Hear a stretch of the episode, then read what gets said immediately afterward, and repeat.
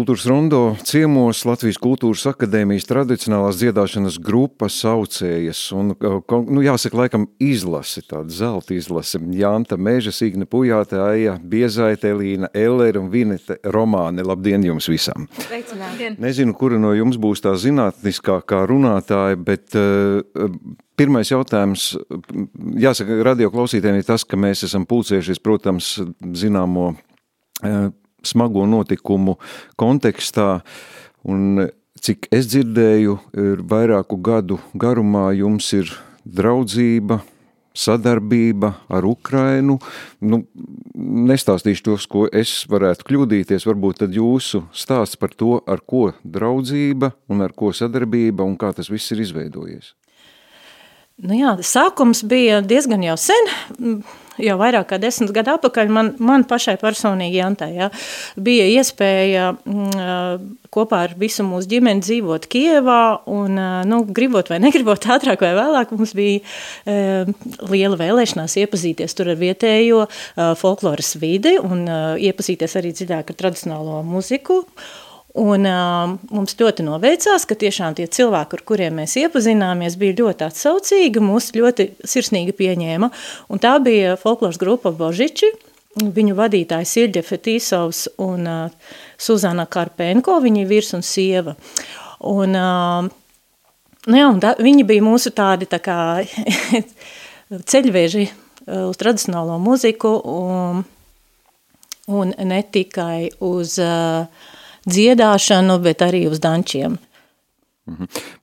Jūs varat uzreiz pateikt, kas ir tas raksturīgais, jo es, nu, uzreiz teikšu tā, nu, pirmā pazīme, protams, ir valoda. Uh, bez valodas, un tad sākās tāds profesionāls nianses, kurās mēs varam saklausīt līdzību gan krievu tradicionālā dziedāšanā, gan varbūt latgals, bet es domāju, ka atradīs diezgan daudz arī lietuviešu, poļu un citu tautību. Kas ir tas ukraiņu, kas ir tā atslēga?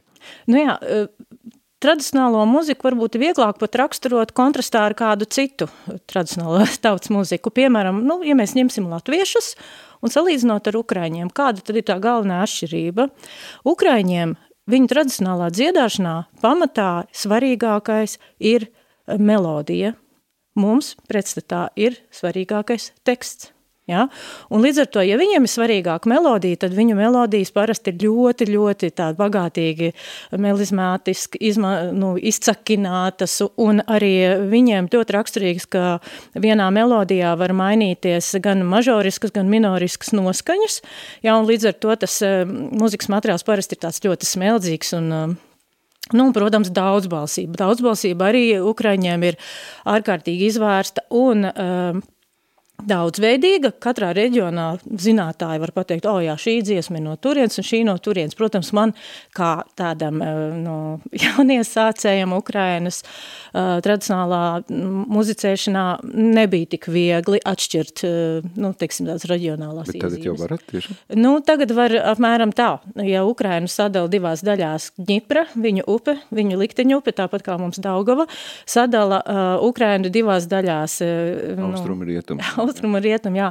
Tad austrumu uh, Ukrainā vairāk ir uh, daudzbalsība raksturīga ar tādu, nu, tiešām uh, uh, tieši to mažorīgo un minorīgo uh, mīšanos, jā, tad uh, Otra puse upes nu, mazāk tas būtu izteikts, un, un savukārt Karpatu kalnos turpat uh, ir diezgan plaši izplatīta arī vienbalsīgā dziedāšana. Uh, Mm -hmm. Cik saucēju repertārā ir tagad Ukraiņu tradicionālo dziesmu? Nu, mums ir tā, ka mums ir pašiem savs latviešu repertuārs, jā, pie kura mēs tā turamies ļoti braši, un tad mēs sakam, mums ir savi sānsoļi.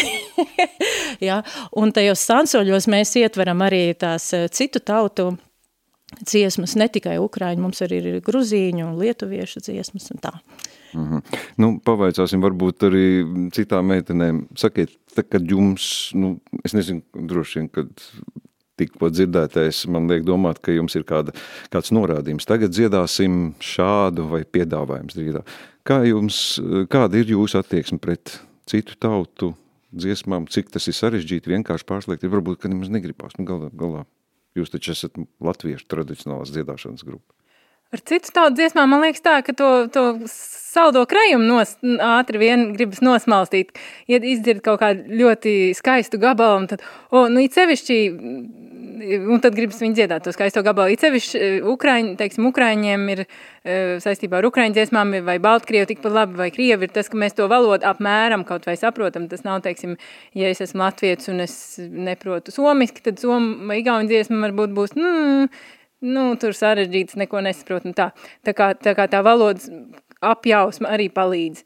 Uh, un tā, bet, um, jā, nu tieši ar, ar Ukraiņu dziesmām mēs ar Sīgni kādreiz un vēl Kristīnu bijām 2004. gadā Polijā uh, uz tādu tradicionālas dziedāšanas nometni, kur mēs, kur bija pa grupām, un mēs tieši bijām Ukraiņu dziesmu grupām, mācījāmies Ukraiņu dziesmas pie Olenas Gončarenko, kas bija no tādas ļoti arī slavens jau ar stāžu Ukraiņu tradicionālas mūzikas grupas Drevo, un, un, un brīnišķīgas dziesmas visādas mācījāmies, un tagad es vēl izvilku, izvilku ārā to kaseti, tas bija toreiz kasetē ier, ieraksti, un paklausījos, un no, no atjaunināju tās um, dziesmas galvā, bet, teiksim, no Ukraiņu dziesmām man ļoti uzrunā vienmēr tās liriskās dziesmas, un viņas tik skaistas, tas ir tas, ko Jānta minēja par tām to daudzbalsību un skaisto, bet vienīgi tieši šajā, nu, tiešām tur viens iesāk, un tad atverās vesels ērģels, dažādu balsu saskaņa. Vienīgi šajā kontekstā, ka mēs, teiksim, arī esam gan ar, ar saucējiem, gan ar citu grupiņu gājuši dziedāt pie vēstniecībām un tā tagad šajā brīdī, tad tās liriskās dziesmas viss ir skumjas, tur viss Kazaks to meiteni nedabū, meiteni Kazaku nedabū, viss pa galam beigās, un, un viņas ir tādas, ko, nu, ļoti gribētos dziedāt muzikālā, nu, materiāla dēļ, bet, bet šai kontekstā tā, mm, gribas kaut ko priecīgāk. Un tad, un, un, un, un tā, un tad ir arī tad tās priecīgās, tās, ko es zinu, pagaidām viņas ir tā kā tāds nenopietnas, un tādas, tā kā, Bet tās Veiks. mums arī patīk. Bet tās mums ļoti patīk. Nu, nenopietnas, tā kā kopie tur vēstniecības, ā, tur varbūt tā nedziedās, bet no otras puses nu, viņas nu, tas ir... ir tematiski, bet nu, tieši dziedāšanā nav sarežģīti, nu tomēr tā maniera tā ir nedaudz atšķirīga. Nu, Nu, tajā Kultūra. reizē, kad mēs bijām tiešām nometnē, kad mums bija profesionāls vadītājs teju nedēļas, nedēļas ietvarā, Tad, eh, manuprāt, tieši tajā brīdī, kad mēs ļoti intensīvi dziedājām un mēs arī sasniedzām rezultātu kopā ar citu valstu, man liekas, ka meitenes lielākoties bija, kas piedalījās tieši mūsu meistarklasē. Un mēs varējām arī saskanīgi dziedāt, un tur tie sižeti jau visdažādākie, jo tie precība un tās nerātnās dziesmas, kuras mēs arī dziedājām, tur tiešām šobrīd, ņemot vērā šo skarbo, skarbos apstākļus, kuros mēs paužam atbalstu Ukrainai, protams, ka tās dziesmas mēs noglabāsim citiem brīdiem, brīžiem, kad tas būs piemēroti, tāpēc tās tās atbilstoši situācijai. Uz iepriekš teikto, jā. jā. Bet par dziedāšanas manieri. Es, es dziedāšanas manieri, nu, patiesībā mm, es toreiz saucējos, saucējās bija jauniņā, un man bija diezgan jāiespringst klausoties mūsu meistarklases vadītājā, un, manuprāt, arī mums ir bijusi tikšanās ar mūsu pašu draugiem. Nu, jā, man nācās iespringt. Es nemaz nebiju, neskaitījos tā labākā dziedātāja tajā brīdī. Es varēju būt, iekļauties grupā, grupā, bet kā, kā solisti, piemēram, nē.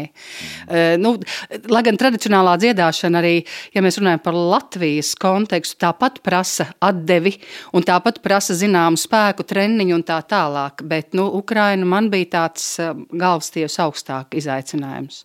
Gribējāt piebilst kaut ko? Es gribēju piebilst, jā, kā, kā šīs Ukraiņu dziesmas varbūt pie saucējām nonāca pirmkārt, uh, Tas bija nu, caur Jāntu, jo Janta bija dzīvojusi Ukrajinā, kā jau viņa stāstīja. Un pat uh, vienu brīdi, uh, laikam, Jantai un Aijai bija tā kā atsevišķi mēģinājumi, kur tikai jūs Ukraiņu dziesmas dziedājāt. Tādas tikšanās reizes, vai ne? Vienkārši pulciņš. Pulciņš, jā, Ukraiņu dziesmu. Un nu, tā tad arī caur šīm nometnēm. Uh, Bet es domāju, tas ir tāpēc, ka nu, saucējs, eh, eh, tas mūsu repertārs ir tās eh, krāšņās, sarežģītās, daudzbalsīgās dziesmas, un ukraiņiem šis ir. Un man pašai, man, nu, man ļoti tā tieši daudzbalsība patīk, tas muzikālais materiāls, varbūt ne tik daudz tur tie vārdi, tā jēga, bet tieši tas muzikālais salikums, un Ukrāņu un vēl gruzīnu dziesmas, tas ir tas, kas mani nu, no visas pasaules mūzikas nu, ļoti uzrunā, jo Ukrāņu dziesmās, tāpat kā nu, viņu tautā, nu, tur ir tā jauda, tur ir kaut kāda tik milzīga enerģija, ko tagad it sevišķi var just. Mm. Un, un tajās dziesmās tas pilnībā atklājas. Elīna tik māja ar galvu. Vēl ir tāda bīstamā robeža, ja dziedot citu tautu mūziku, nu mēs it kā tomēr paši arī maināmies līdzi, gan domājot, jūs nejūtat, ka kaut kā ietekmējis dziedot. Es nerunāju tagad tikai par Ukraiņu, bet arī par citu, ko jūs darāt. Latviešu muzika necieš no tā jūsu izpildījumā. Man gribētu domāt, ka mēs esam mazliet jau pieraduši mācīties dažādas manieras dziedāt, bet jāsaka, ka citreiz varbūt ir tā, ka tā ukraiņu maniera ir vieglāka dziesmām, kur ir diezgan augsti jādzied, un tad citreiz to manieru mēģina varbūt izmantot arī latviešu dziesmās. Savukārt grūzīniem dziesmas bieži vien ļoti zemu, un tad arī tā tas mazliet mainās. Jūs dziedot, mēģinot šīs ne, mums citiem nepazīstamās dziesmas, kas ir tas jūsu galvenais mērķis? Iepazīstināt citus pašām, saprast, kas notiek pasaulē? Pašām. Mēs vairāk priekš sevis dziedam. Un arī, kā jau es iepriekš minēju, ja tu iepazīsti citu, tad tev ir vieglāk saprast sevi. Un vieglāk saprast sevi, ja tu iepazīsti citus. Jā? Nu, tradicionālā dziedāšanā tas noteikti, noteikti darbojās. Jā. Jo tas ir kā ceļojums. Tu aizbrauc uz citu valsti, paskaties, iepazīsties, sadraudzējies un brauc mājās. Un tu esi nu, bagātinājies, nu, jā. redzi savādāk. Jā, un tad atgriežamies uz Ukrainu. Kas šobrīd notiek? Kontakti ir? Kāda ir tāda jūs? Jā, nu, mūsu mūs draugi visu šo laiku pavadījuši Kievā. Viņi nav izbraukuši no pilsētas. Nu, jā, Viņi ir optimisti, jāsaka, ir. es pat atļaušos par, par viņiem bišķiņās pastāstīt vienu joku, ko Ilja e, bija atrakstījis e, Facebookā manam vīram. Viņš saka tā, nu, ka viņi, viņi ģimenēja trīs cilvēki, jā, viņš un e, meita un, un sieva. Un tad kāda no meitenēm tur prasa, kas tur notiek ārā, Ilja skatās pa logu, nu, uzsprāga te kaut kur, var redzēt ugunsgrēks. Cik tālu? Nu, nākamā metrostācija. Ah, nu tad vēl guļam. nu tā, jā, nu. nu jā, kara laika jociņi. Kara laika jociņi, jā. Jā, bet sazināties, sazināties, jā? Jā, ik pa brītiņam Facebook, caur Facebook sazinamies. Es atklāšu radio klausītājiem, ka jūs esat nākuši šeit ne tikai runāt, bet arī dziedāt, un es arī pat zinu, ka jūs dziedāsiet psalmu cietēja māte. Man gribētos dzirdēt varbūt kādu priekšvēsturi, kas, kas vispār Ukraiņiem ir psalms, vai tur kaut kas citādāk, varbūt kā latviešiem šai izpratnē? Mm, jā, uh, Ukraiņiem psalmi ir uh, tradicionālās dziedāšanas uh, tāda atsevišķa žandrs, kurā ir uh, muzika, nu, tautas muzika, taču teksts ir uh, ar reliģisku saturu. Uh, muzikā var tiešām diezgan daudz arī just uh, liturģiskās muzikas ietekmi, gan kā skan daudzbalsīgais dziedājums, gan arī dažkārt kā ir salikts teksts, piemēram, ka nu, nu pants nobeidzās ar aleluja, vai arī pa vidu ir kaut kādi rečitējoši nu, tādi fragmenti, kas bišķiņ tā kā atgādina, kā, kā baķuška runā. ja?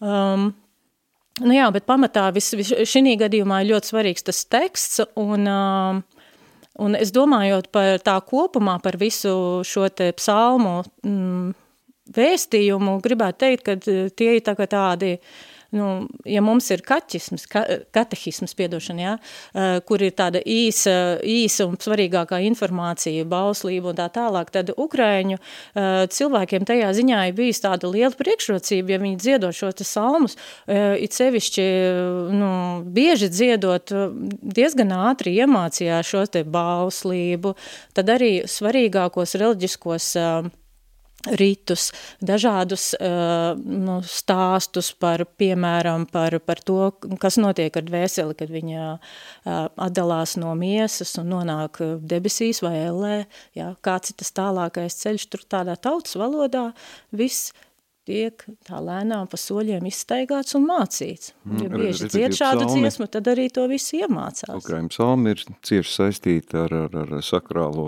tematiku, ar Absolūti, ticību. Jā. Jā. Nu, bet tad par pašu cietēju māte, kas šis ir par psalmu? šis psalms uh, atspoguļo um, notikumu, uh, kas notiek uh, lielajā piekdienā, kad Jēzus uh, ir sists krustā, un viņa māte uh, stāvēdama pie krusta savās domās pie sevis it kā runā, bet nu jā, uzrunā visu cilvēks caur to, ka viņas dēls ir sists krustā, bet par ko? Par to, ka cilvēki nav sapratuši viņa mācību, un viņam ir jācieš, viņam ir jābūt piesistam. Ja? Un, nu jā, man tas ļoti kaut kādā paša, pašai klausoties šos psalmus sasaistās ar to, kā Ukrainā pašlaik mammas, sievas, draudzenes, meitas jūtās par saviem saviem vīriem, kuri ir aktīvā kara darbībā un gājuši bojā par savu dzimteni.